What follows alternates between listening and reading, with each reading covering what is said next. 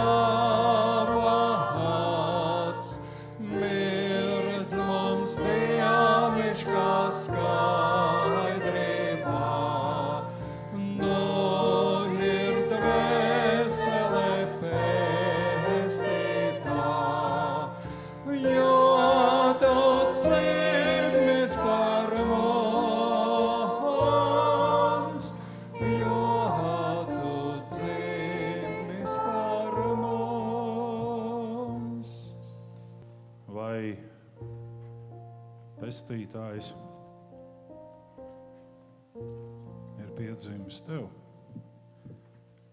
Tas, ka viņš piedzima pasaulē, tas ir skaidrs. Bet vai viņš ir piedzimis tev? Un mēs gan bieži par to domājam mūsu dzīves gājumā, kā par izteiksmi, lai Jēzus dzīvotu manī. Un to arī norāda šī piedzimšana. Vai Jēzus ir piedzimis tevī? Tas ir, vai viņa raksturs dominē tevī, vai viņa dzīves gājums ir arī tavs dzīves gājums. Par to arī šodien domāsim, svinēsim šos svētkus, priecāsimies un atcerēsimies to, ka tā bija neliela sauja cilvēku, kuri bija klāta pestītāja dzimšanā. Bija Marija, Jāzeps, kādi gani, Simēns, Anna un viss. Ah, jā, vēl trīs gudrie pēc dažām nedēļām un mēnešiem. Bet tas bija arī viss. Lai Dievs svētī mūsu ikvienu, un šajā brīdī lūgsim Dievu. Debes Tēvs, mēs Tev pateicamies par Tavu neizmērojamo žēlastību, svētību un klātnību, kas no Tevis mums ir dāvāta visā iepriekšējā laikā. Mēs pateicamies Tev par to, ka Tu esi mūs katru radījis. Tu esi mums katram dāvājis dzīvības dvašu, un mēs varam elpot, mēs varam priecāties, mēs varam piedzīvot Tevi. Svētī mūsu ikvienu šajā dienā, un īpaši lūdzu uzrunā mūsu katru caur savu svēto garu. Un tu zini mūsu sirdis, tu zini mūsu domas, tu zini mūsu priekus, un tu zini arī mūsu skumjas. Un to visu mēs savienojam kopā vienā lūkšanā, tevi lūgdami un teikdami: Mūsu Tēvs debesīs, svētīts lai top tavs vārds, lai nāk tava valstība, tavs prāts, lai notiek kā debesīs, tā arī virs zemes. Mūsu dienascho maizi dod mums šodien, un piedod mums mūsu parādus, kā arī mēs piedodam saviem parādniekiem. Un neieved mūsu kārdināšanā, bet atpestī mūs no ļaunā, jo tev pieder valstība, spēks un gods mūžīgi mūžos. Āmen! Lūkas evanģēlijas otrā nodaļa, sākot ar 8. pantu. Un gani bija ap to pat vietu laukā. Tie nomodā būdami sargāja naktī savus lopus. Un tā kunga eņģelis pie tiem piestājās, un tā kunga spožums tos apspīdēja, un tie bijās ļoti. Bet eņģelis uz tiem sacīja: Nebīsties, jo redzi, es jums pasludinu lielu prieku, kas visiem ļaudīm notiks jo jums šodien pestītājs dzimis. Kas ir Kristus, tas kungs, un to ņemieties par zīmi. Jūs atradīsiet bērnu autos ietīt un silē gulošu un piepeši. Tur pie eņģeļa bija debesu pulka draudzene. Tie slavēja Dievu un sacīja: Gods Dievam augstībā un miers virs zemes pie cilvēkiem, uz kuriem tam labs prāts. Āmen! Sēdieties. Jautājums ir vietā, vai tu un vai es, vai mēs esam cilvēki, pie kuriem Dievam ir labs prāts. Mēs reizēm varam teikt, ka nu, varbūt tur ir jāsaka labas gribas cilvēkiem. Paceliet roku tie, kuriem no jums nav laba griba. Mums visiem ir laba griba. Nevienmēr tas īstenojās dzīvē, bet griba mums visiem ir laba. Marks Tvens 365 reizes gadā atmet smēķēšanu katru rītu. Viņam bija laba griba. Mums visiem ir laba griba. Nevienmēr tas izpildījums ir tik labs, kā mēs gribam. Bet šeit ir teikts, pie cilvēkiem, uz kuriem dievam ir labs prāts. Kas ir cilvēki, uz kuriem dievam ir labs prāts?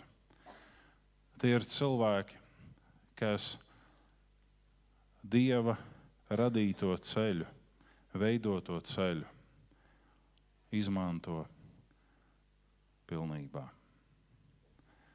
Mēs dziedājam, viņš nāk no pleciem nastas, vēl viņš nāk mūsu saulē celt. Kurš negrib būt saulē? Ik viens grib būt. Bet, lai nonāktu saulē, ir jānoiet kāds zināms ceļš. Un šis ceļš var būt vainu Dievam patīkams vai nē. Tas ir mūsu izvēles iespējas, tā ir Dieva dāvana. Šajā rītā, sēdot pie pateicību grāmatas, kur jau tuvojās beigām, es rakstīju kārtējo pateicību, un tā bija paldies par brīvās gribas dāvanu. Tā ir Dieva žēlstība, ka mēs varam izvēlēties ko mēs izvēlamies, tas ir cits jautājums. Eņģeļi mazliet izbiedēja ganus. Gani satraucās. Un eņģeļi teica: Nebīsties. Šie rūtītie vīri, šie gani, kam nebija problēmas stāties pretīm savvaļas zvēriem, lai aizsargātu savu savis, kam nebija problēma doties meklēt, ja kāda auss ir nomaldījusies, lai arī ko būtu jāuzvar. Šie vīri izbijās. Kāpēc? Vai viņi bija darījuši ko ļaunu? Nē, par ko viņi izbijās? Par to godību, kas viņus apņēma. Tev un man ir iespēja būt vai nu šīs godības nesējiem, vai arī šīs godības pretiniekiem. Arī šī izvēle ir mūsu rokās.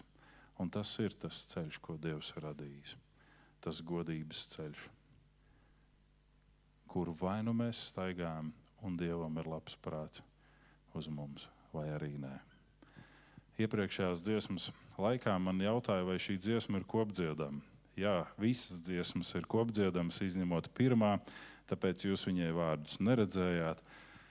Jūs droši varat dziedāt līdzi visas dziesmas un šo svētku sajūtu paņemt sevī. thank you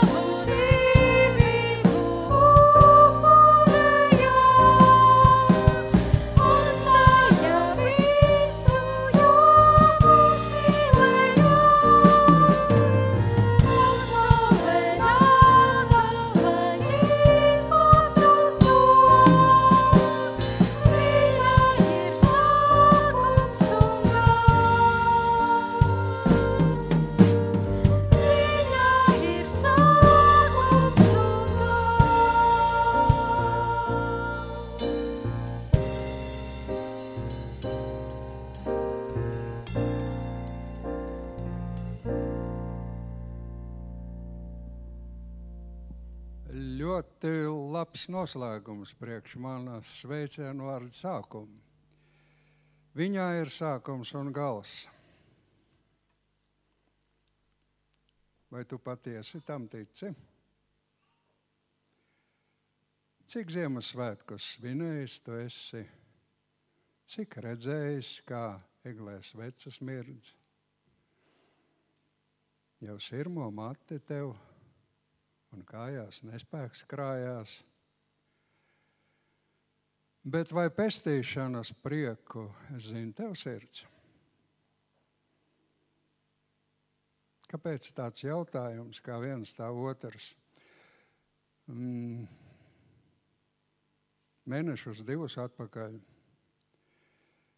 Pavisam nepiemērotā vietā man nācās dzirdēt, ka Bībelē esot kāds pusteikums, kuram cilvēks nespēja ticēt. No acīm redzot, vairāk, bet tobrīd viņš, šis cilvēks, bija gatavs atzīties par vienu. Ticība ir stipra paļaušanās uz to, kas cerams, un pārliecība par neredzamām lietām. Un šis cilvēks teica, ka teikuma pirmā daļa, nu, to jā, to, nu, nu, nu, to jā, to viņš ir gatavs ticēt, bet otrā puse nē. Varbūt, ka vajadzēja man piecelties to brīdi un doties um, auditorijas priekšā, bet nu, viens nav karotājs. Mīļie, Dāvids gan tā nedomāja, kad kā jauns zēns devās pretī ar kārtīgi, trīsreiz lielākam nekā viņš augumā, milzim, milzim. Viņš bija pārliecināts, ka viņš, mazais zēns, šo milzi kā knisli uzvarēs. Viņš bija pārliecināts. Pārliecība par neredzamām lietām. Tu tici? Šis gads, 19. tūlīt būs izskanējis, būs izdzīvots. Kas šī gadā ir tavs ieguvums? Ko tu varēsi gadu kontos noglabāt kā vērtību mūžībai? Man ir nācies dzirdēt no viena cita, kā man patīk 23. psalms. Nu, arī jūs droši vien gandrīz zinat viņu no galvas. Kā jums patīk ceturtais pants? Nu, kolosāls, vai ne? Kurš to būtu gatavs šobrīd nocitēt?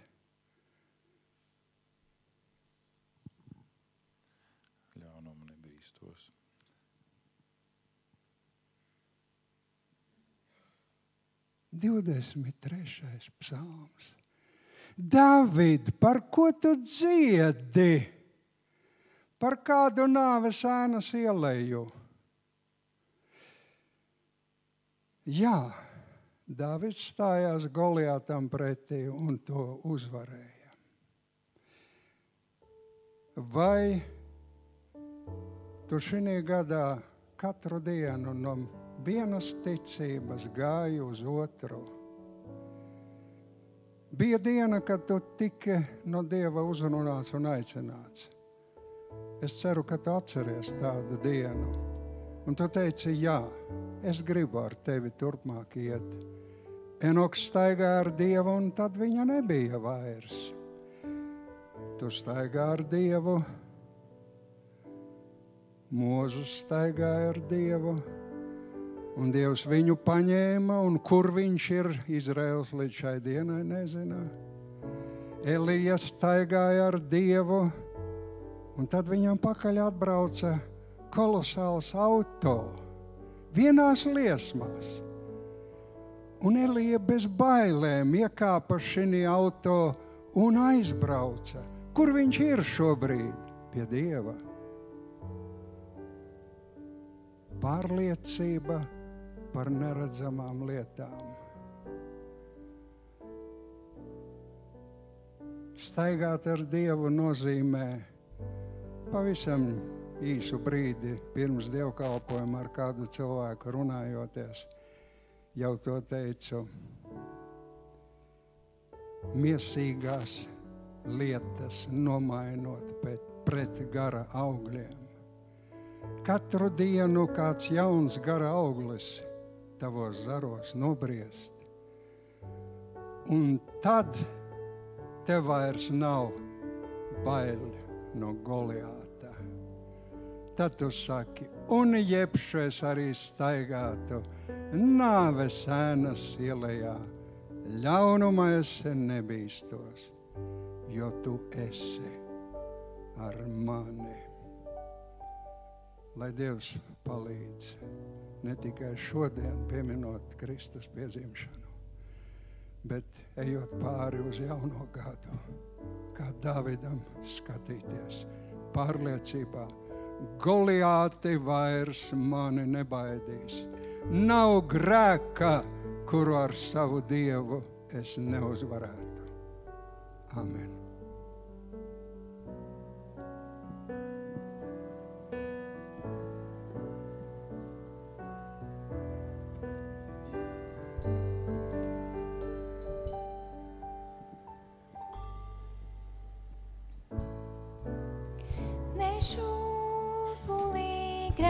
Grēsnā viņš varēja mīkt.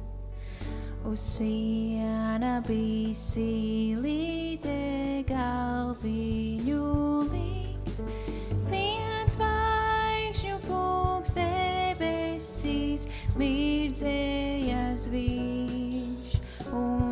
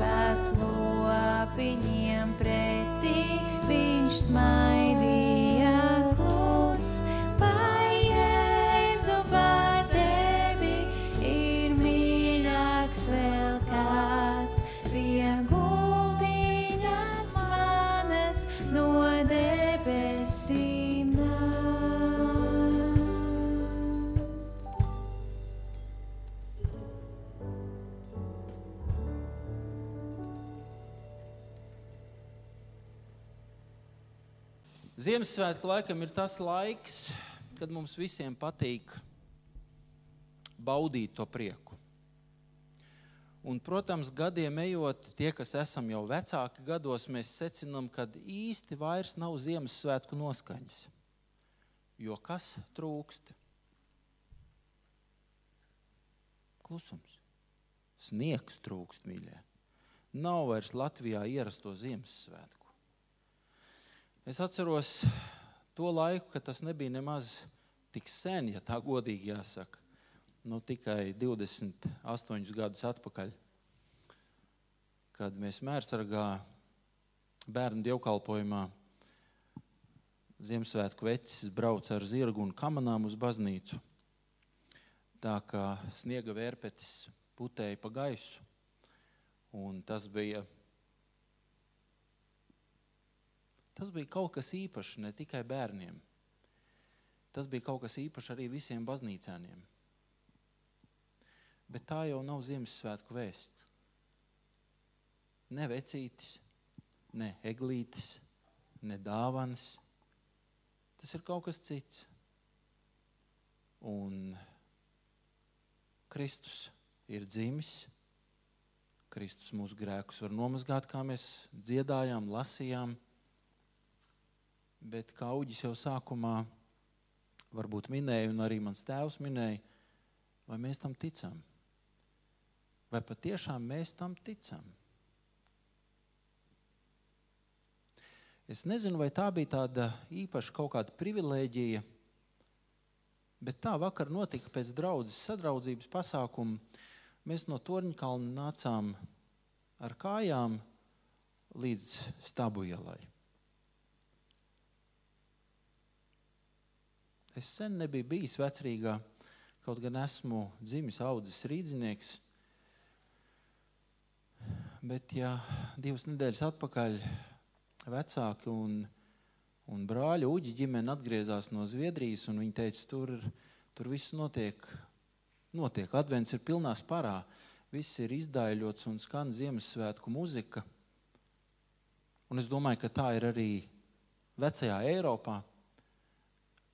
Kaut arī varbūt tur cilvēki daudz mm, savas domas nepiesaista vairs tam, ka Kristus ir dzimis, lai cilvēci glābtu no grēkiem, bet tā ir skaista un jauka tradīcija. Šīs vecās baznīcas dziesmas, korāļi. Nu, tad, lūk, vakar ejot cauri vecrīgai, es dzirdēju pavisam kaut ko citu. Tur neskanēja neviena Ziemassvētku muzika. Tur gāja bumsi, bumsi. Alus buļbuļs tika atkorķētas un daudz kas cits.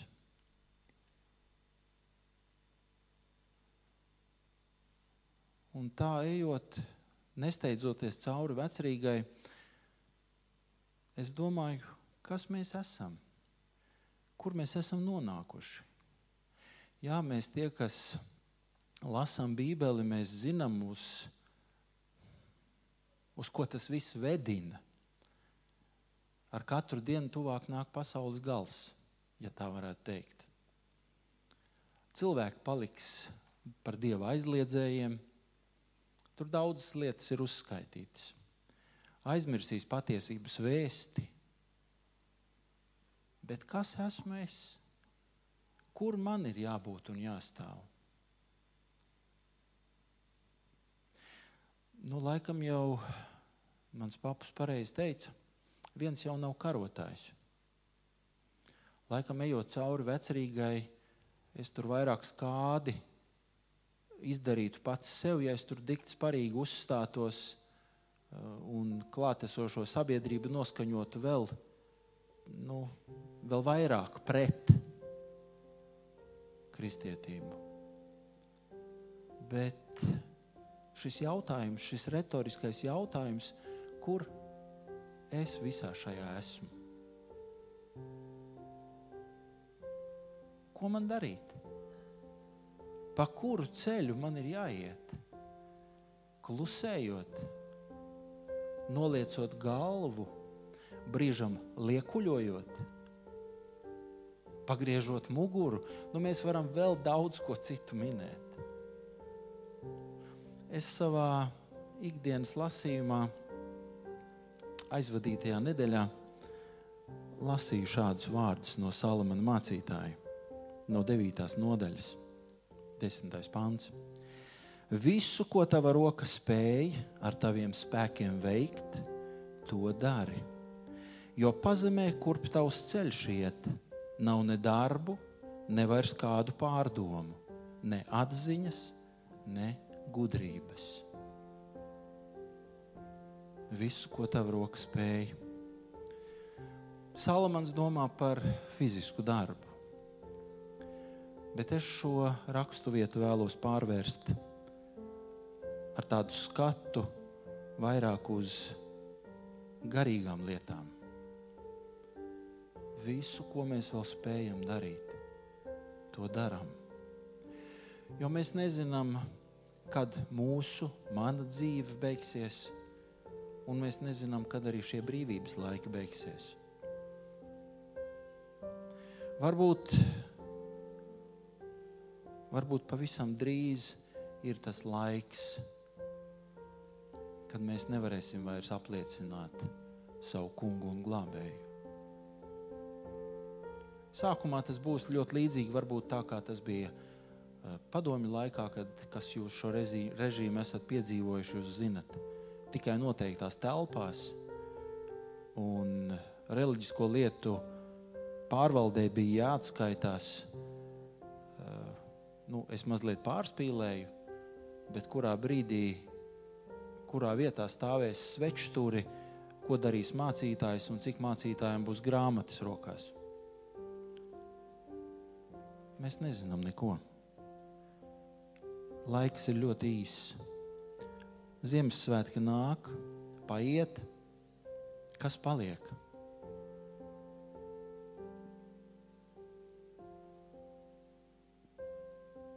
Tas, ka kādā brīdī esam pārguruši no viss tā, kas ir bijis. No šī pirms Ziemassvētku laika, kur ir jādomā par Mēs neviens no tā neesam pasargāti un nemaz nemēģinām iestāstīt un liekuļot, ka jūs nedomājat par dāvanām. Kaut vai maziem nieciņiem. Un, zinot, man šķiet, ka tie nieciņi reizēm sagādā lielākas galvas sāpes nekā tās lielās lietas. Mēs no vis tā esam pārguruši.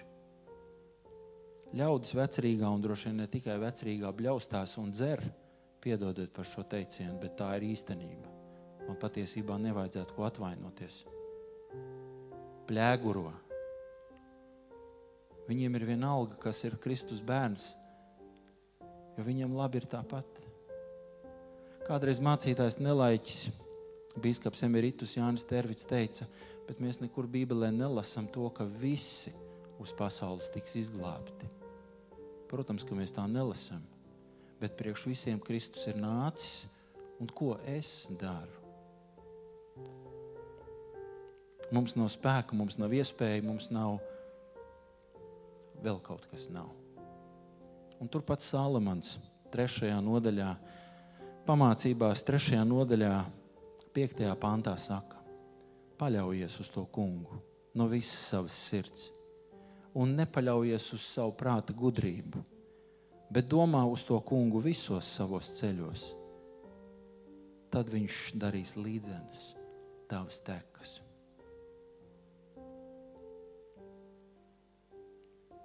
Es saņēmu kādu tādu labu, vērtīgu aizrādījumu, pamācību. Un ne tikai divas nedēļas atpakaļ, bet arī jau daudzkārt iepriekš. Kad pārdomām, svētru pārdomām ir jābeidzās ar kaut kādu ieteikumu, ar kaut kādu virzību, ko tad darīt, kā rīkoties. Vai to vienmēr cilvēks var izteikt? Nezinu bet Dieva vārds to šajā gadījumā caur Salamanu muti skaidri pateica. Paļaujies uz to kungu. Es nezinu, ko darīt ar to plēgurojošo vecrīgas personāžu. Es nezinu, man, man nav. Man nav padomu, man nav spēka. Es nevaru iet katram klāt, raustīties piedurknis un teikt, klausies, gribi dzirdēt par Kristu. Bums pa degunu, nē, negribu dzirdēt. Ej projām man tāpat ir labi. Bet paļaujies uz to kungu. Mūsu draugs ir ar nosaukumu pilsēta. Gan drīz jāsaka tā kā Jozovas laikā. Iesim un iekarosim šo pilsētu. Un tas kungs būs ar mums. Jo Kristus bērns ir nācis lai glābtu katru. Amen.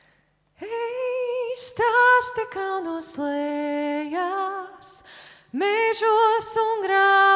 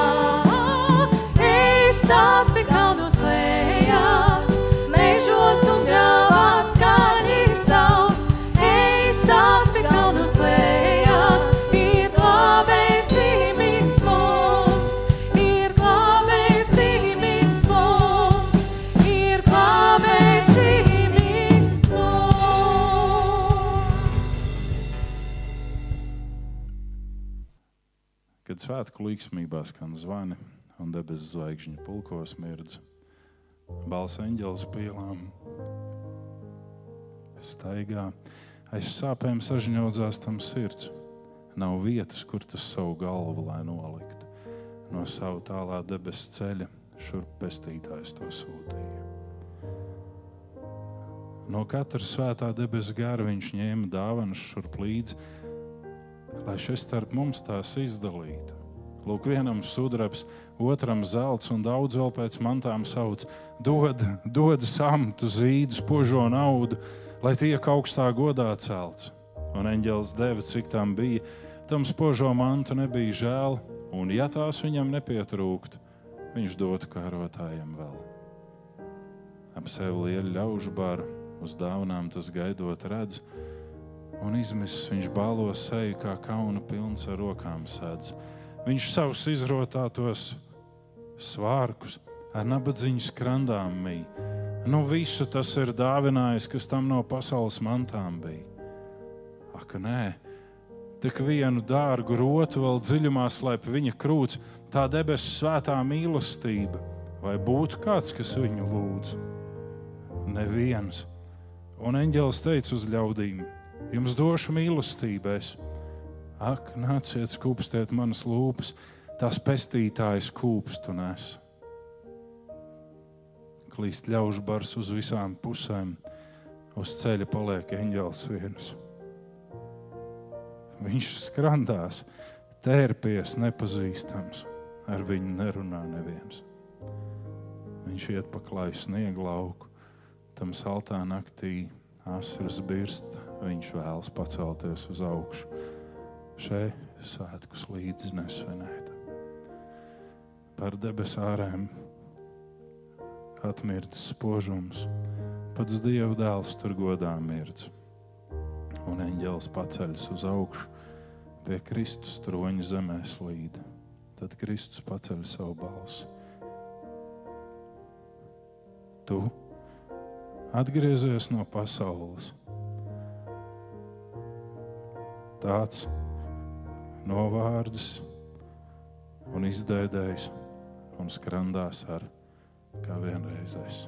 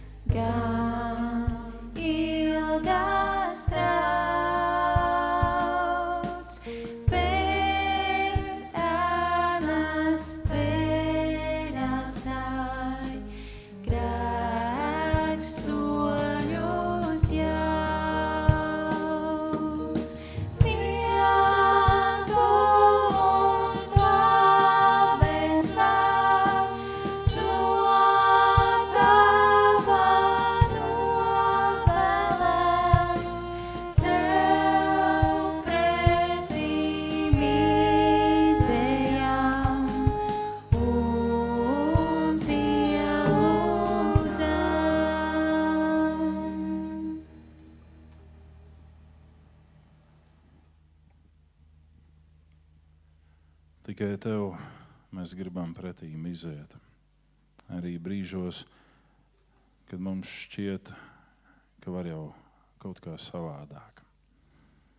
Un dod spēku un gudrību. Mums šodien ieklausoties tavā vārdā, ar tevi sastapties. Āmen. Sēdieties, lūdzu. Tagad jūs varat pasēdēt tā ilgāk un labāk. Nav tik daudz jāceļās kājās vairs. Bet mēs jau pēdējā dziesmā dziedājām, ka mēs dziesmās sveicinām tevi visaugstā dēls. Un šodien domāsim par to, kā tas ir, ka no viena rodas daudzi. Jeb kā tas ir, ka viens ir par iegānstu tam, lai sāktos kaut kas lielāks. Mēs savā ikdienā esam redzējuši un spējam izsacināt šo progresiju. Viena persona, dzīves līkloči, sastopas ar otru personu, un tad, laikam virzoties, tālāk veidojās progresija.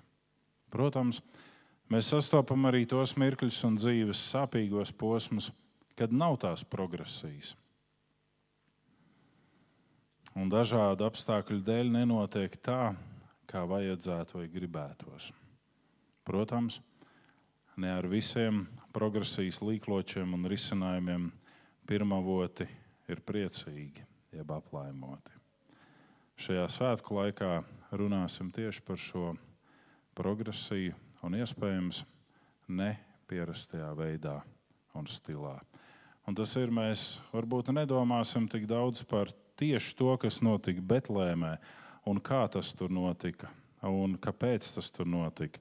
Pagājušajā piekdienā biju pie Annijas raidījumā un sastapu kādu jautājumu. Un jautājums bija ļoti konkrēts, radikāls un tieši.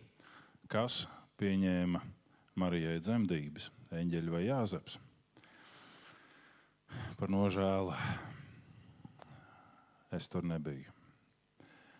Nevarēju novērot, kā tas viss tur īsti notika.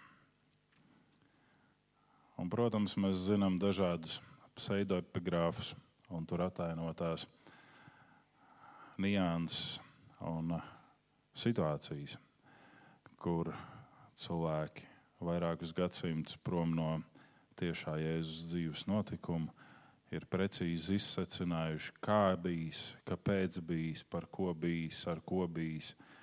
Ne? Bet atklāsmes grāmatas 7. nodaļa, 9. līdz 12. panti saka, pēc tam es ieraudzīju un redzi liels pūlis, ko nesaskaitīt no visām tautām un siltīm, un ļaudīm un valodām kas baltos tērpos un palmu zarajam rokās stāv troņa un jēra priekšā. Viņi sauc skaļā balsī: Pestīšana pieder mūsu dievam, kas sēda tronī, un jēram, un visi eņģeļi bija nostājušies ap troni un vecajiem, un četrām dzīvajām būtnēm.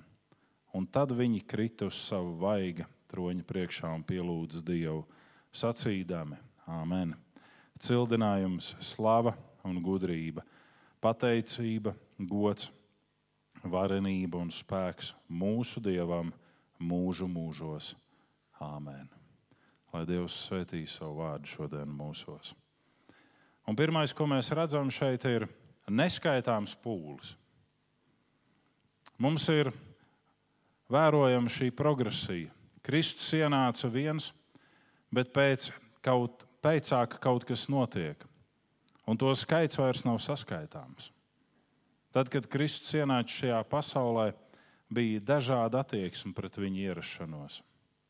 Neticība, nodevība, nepārliecinātība.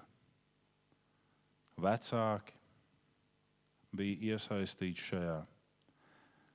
Naids, atriebība un izreikināšanās bija Herodam un valdošai kliķei. Prieks līksmība, gavilas bija gani, gudrie un tempļa lūdzēji. Mums ir vērojama vēl viena progresija. Pie krusta Kristus arī ir pilnīgi viens. Un mums ir vērojama trešā progresija. Augšām celšanās Kristus arī ir pilnīgi viens. Un mēs varētu kā cilvēki teikt, kāpēc tajos brīžos, kad vajadzētu kādus konkrētus pierādījumus, nezinu, fotofiksāžu, selfijas, vēl kaut ko, kāpēc Jēzus ir viens? Kāpēc nav pierādījumu? Tieši tāpēc, ka mēs šodien dzirdējām, ticība tā ir stipra paļaušanās uz to, kas cerams, pārliecība par neredzamām lietām. Protams, Ziemassvētkos nebūtu patīkami uzdot nepatīkamos jautājumus. Bet jūs patiešām esat pārliecināti, ka jums iekšā krūtīs pukšs sirds? Kā jūs varat zināt, ka tā ir sirds? Varbūt tas ir kāds aparātiņš dzemdībās iemontēts jūsos. Kā jūs tik droši ēdat, it sevišķi pēc dievkalpojuma sadraudzībā? Kā jūs zinat, ka tur ir kuņģis, kurā tas ēdiens nonāk? It sevišķi augstā laikā, kad dzerot karstu, kā jums nav bail, ka tur nekā nav un jūs aplaucēsiet kājas?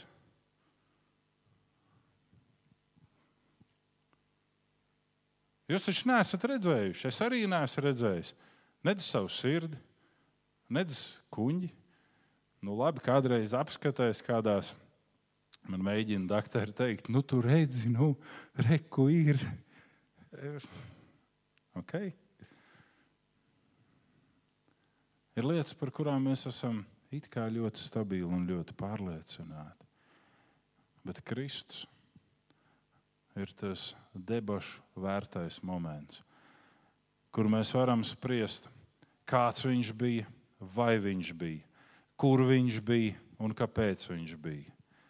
Un mēs varam spriest, ka varbūt viņš tomēr nonāca Indijā vai Ķīnā un bija kāds māceklis kādiem gudrajiem.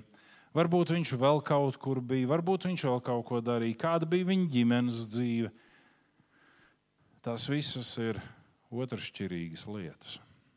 Pirmšķirīga ir tā, ka viņš ir progresīvs iesācēja punkts. Un jautājums ir šajā, vai tu pievienojies šai progresijai vai nē. Mēs to dzirdējām arī abos Ziemassvētku sveicienos.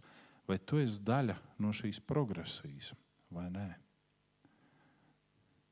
Vai tu esi daļa no tiem, kas ir neskaitāms pūlis? un tad mēs ejam tālāk.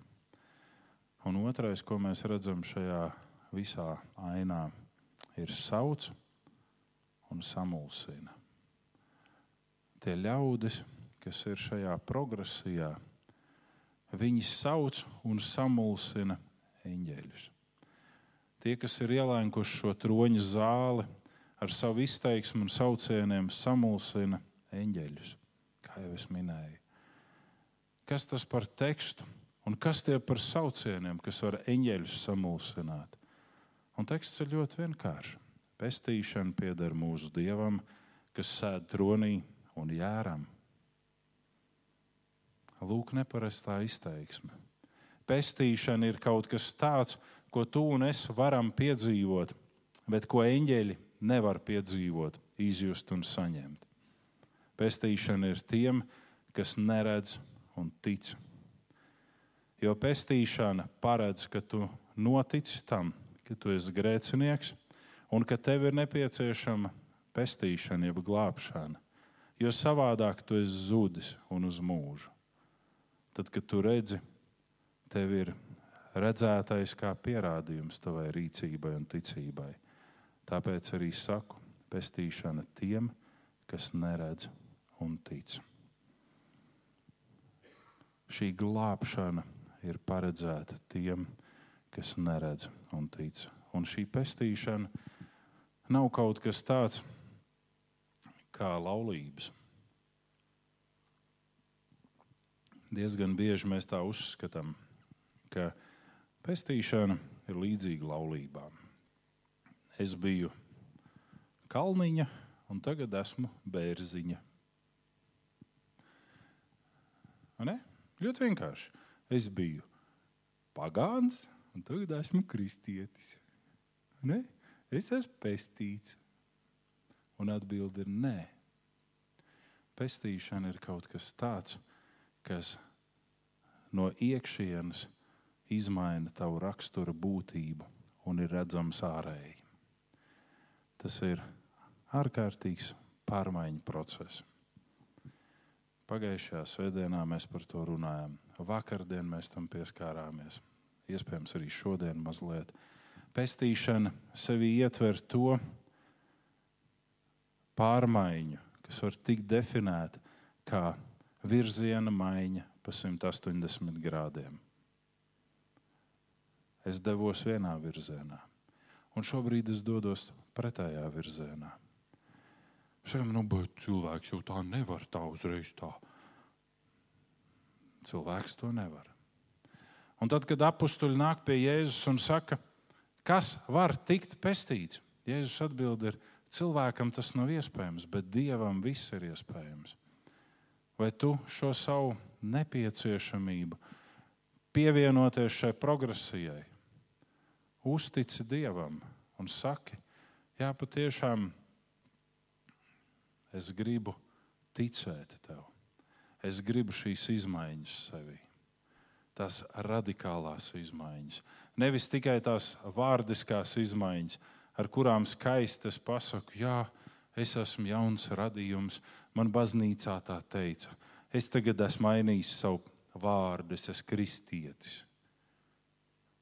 Gins izteica to, nu, ko tas dod, ka viņš iet pa vecrīgu un katru raustītais plecs un teikt, hei, klau, tu zini, kas notiks šajos svētkos. Un lielākais vairums iespējams teikt, jā, es zinu, kāpēc mēs svinam šos svētkus un kāpēc mums ir brīvdienas. Bet ko tas izmaina cilvēka būtībā? Un vēl jau vairāk pēc apakstuļa Pāvila vārdiem, tāda rīcība, rīcības dēļ ir pielīdzināma šķindošam zvanam. Ja tur nav mīlestība, ja tur nav tā patiesā rūpe par to otru personu, tad tas ir tikai tāds zvanu, dunoņa šķindēšanas vērts skanējums. Samulsina eņģeļus, jo tie nezina, kas ir pestīšana.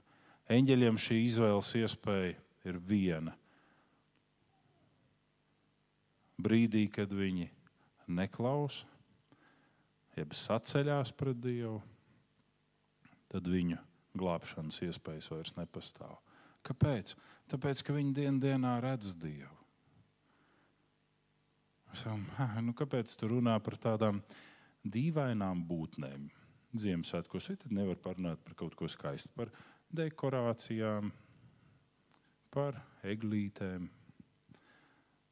Varam parunāsim par eglītēm. Bez ticības piedzīvojuma.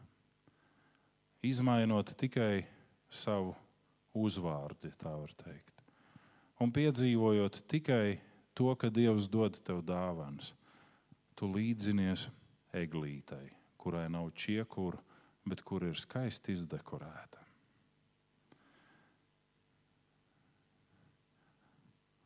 Lai būtu tie čiekuri,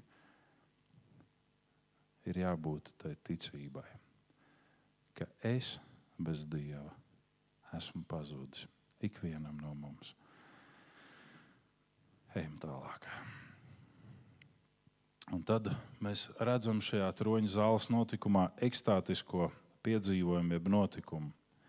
Šādas ticības priekšā, ko izsauc šie neskaitāmie balto stērpo stērptie, eņģeļi ir samulsuši, un no tā godības spēka, kas izskan, viņi krīt ceļos. Un pievienojās šai slavas balsī. Eņģeļi ir tie, kas kas paziņo par Kristus dzimšanu, eņģeļi stiprina Kristu krusta ceļā, eņģeļi noveļ akmeni no kapa durvīm un apliecina Kristus augšām celšanos. Eņģeļi piedalās pestīšanas darbā, jeb ceļā, bet nesaprot, kas tas ir un ko tas maina. Bet tikai cilvēks, kurš saprot savu nepieciešamību pēc Jēzus kā glābēja, tikai tas var šo sajust sasmaržot un piedzīvot. Eņģeļi zemojās uz ceļiem. Nē, viņi krīt uz savu vaigu, uz sejas. Šīs godības priekšā.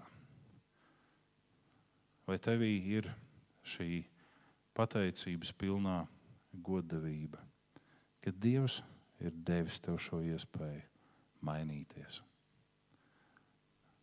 un būt neradītās gaismas pielietam. Vai tev ir šī neizmērojamā pateicība. Mēs daudz diskutējām par to, vai šogad mums būs silīte un bērniņš vai nē. Jo bija cilvēki, kuriem šķita, ja baznīcā novieto silītu un bērniņu, tad visi nāk pielūgt silītu un bērniņu. Vai ne? Un, ja baznīcā ir eglītis, tad visi nāk zemoties eglīšu priekšā. Nu, es laikam nē, un es ticu arī jūs nē. Un tā tur ir silīte, un tur ir bērniņš. Beig beigās tomēr tas viss tur ir, un arī eglītis ir, un zvaigznes ir. Un ir daudz un dažādi šo iepriecinājumu, kam vajadzētu radīt to svētku sajūtu mūsos. Un kam vajadzētu uzdot to jautājumu pat tiem cilvēkiem, kas nekad neko nav dzirdējuši un zinājuši, vajadzētu uzdot jautājumu, kāpēc tur kāds zīdainis guļ silītē. Par ko ir šis stāsts? Kāpēc ir eglītes? Kāpēc ir zvaigznes? tam vajadzētu rasties mūsos kā jautājumam, kāpēc mēs pieminam kaut kādus ganus, kāpēc mēs runājam par kaut kādiem gudrajiem, kāpēc mēs sakam, tev pretī mizējam, tu valdnieku svēts. Kas tas par valdnieku? Mums tagad ir prezidents un premjerministrs. Par kādu ķēnišķo varu mēs runājam? Par to, kura ir šīs progresijas sākuma punkts. Progresijas, kas vēlākā ceļā piepulcina neskaitām pulku baltos tērpos tērpti. Un mēs nonākam pie pēdējā. Kas tie ir un kāpēc tie ir tik atšķirīgi? Rodas šis jautājums, kas tie ir un kāpēc viņi atrodas šeit, tik tuvu Dievam? Un šis jautājums arī skan rakstītājam, kas rakstīja šo redzējumu. Un skan arī atbilde. Un tādēļ nedaudz veltīsim savu uzmanību tam, kas tiek sniegts atbildē. Turpat tālāk, atklāsmes grāmatā. Tad viens no vecajiem sacīja, šie baltos tērpos, kas tad viņi ir un no kurienes nākuši? Es teicu, mans kungs, tu zini. Un tad viņš sacīja, šie ir tie, kas nāk no lielām bēdām un ir mazgājuši savas drēbes un tās baldinājuši ar asinīs. Tādēļ tie ir Dieva troņa priekšā un kalpo viņam dienu un nakti viņa templī.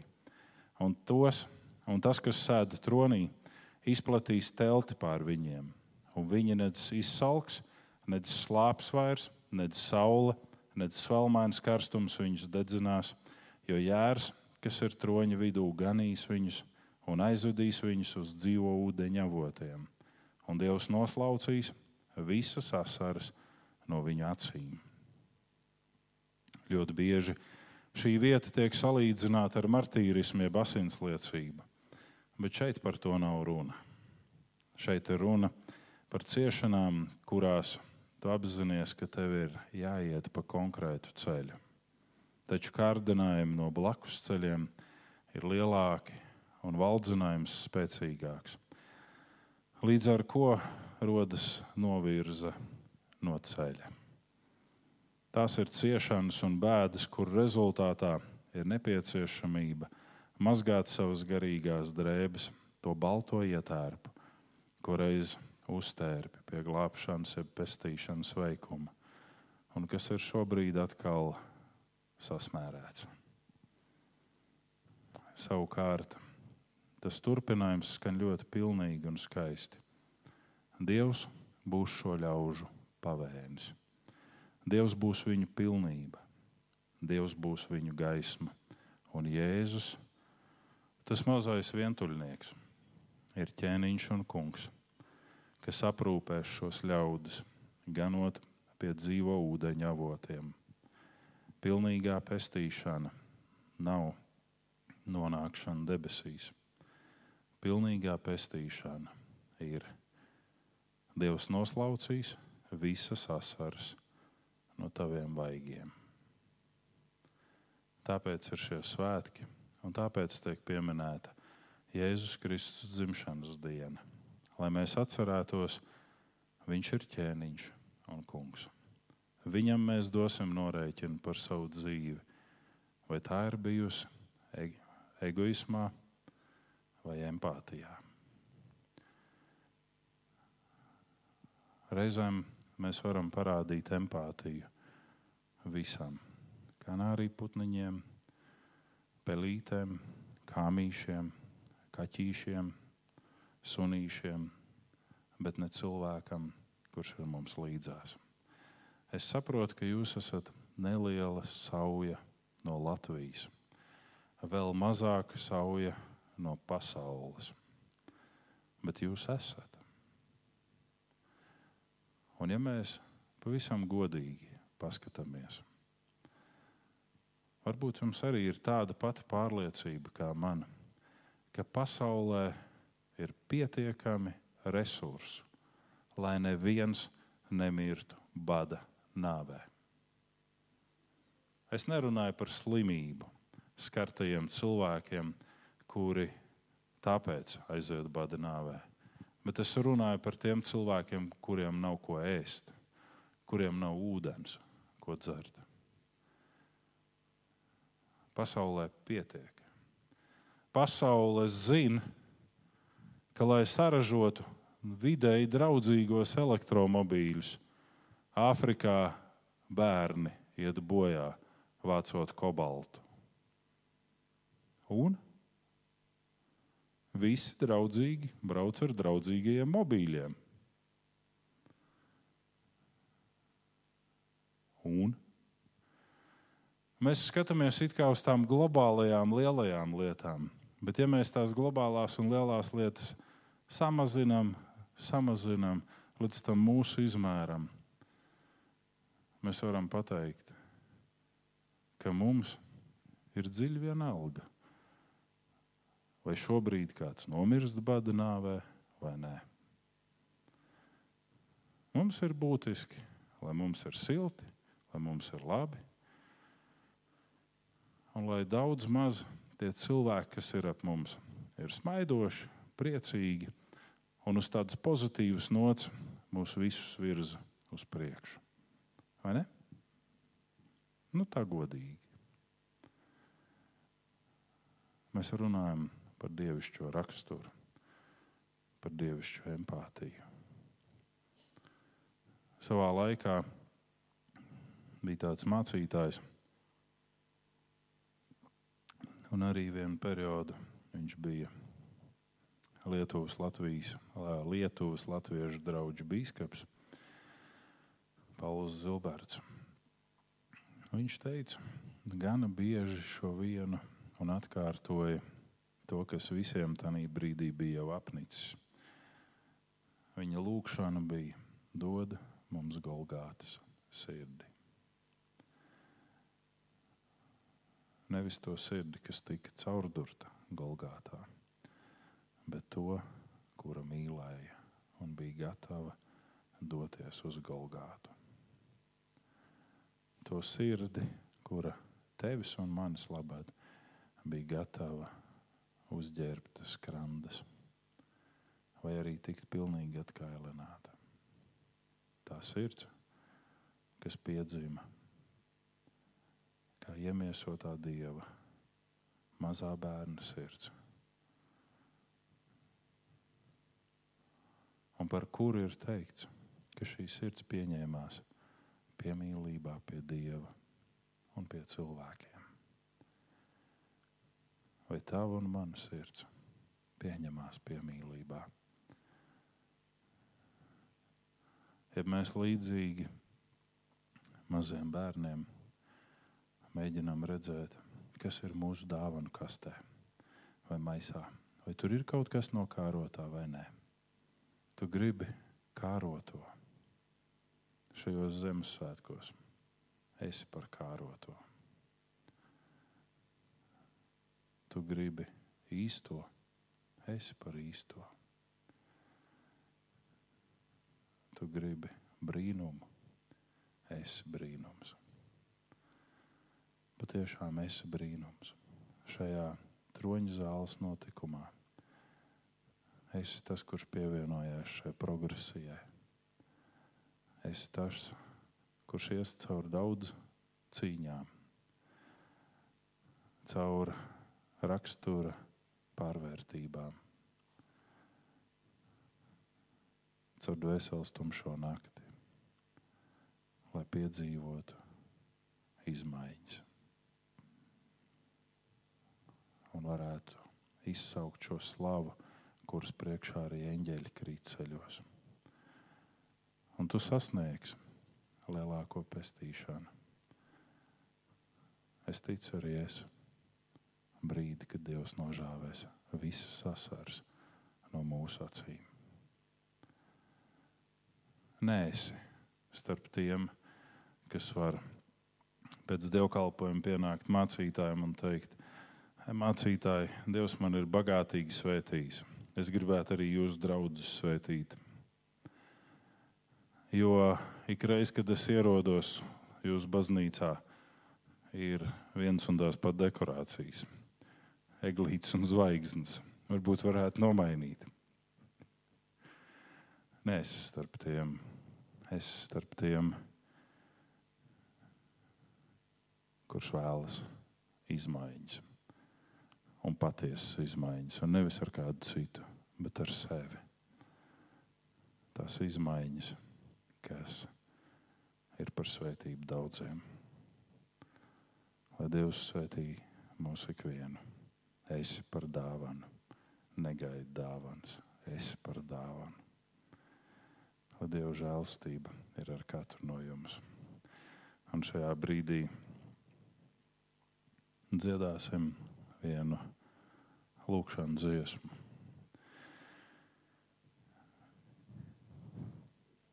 Pirms mēs svētīsim viens otru, un pirms mēs dosimies pie cienesta, bet pirms mēs dosimies pie cienesta, vēl būs šis un tas. Bet pirms tā visa dziedāsim šo lūkšanu dziesmu un dziedāsim viņu tā no sirds. Nevis tādēļ, ka viņa ir skaisti uzrakstīta un ka viņai ir skaisti vārdi, bet lai varbūt šīs dziesmas laikā, šīs lūkšanas laikā, Dievs kaut ko izmaina mūsos. Dziedāsim tā.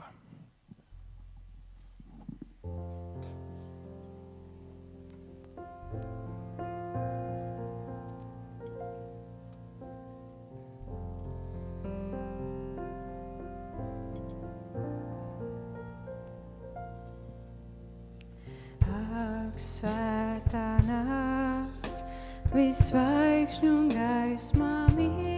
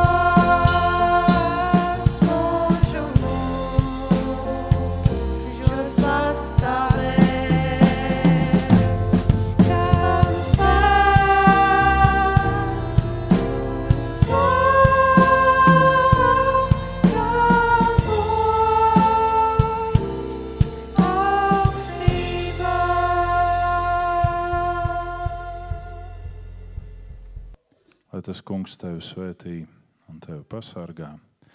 Lai tas kungs apgaismo savu vaigu pār tevi un ir tev žēlīgs. Lai tas kungs uzlūko tevi ar lapatiku un lai dod tev savu mieru. Āmen!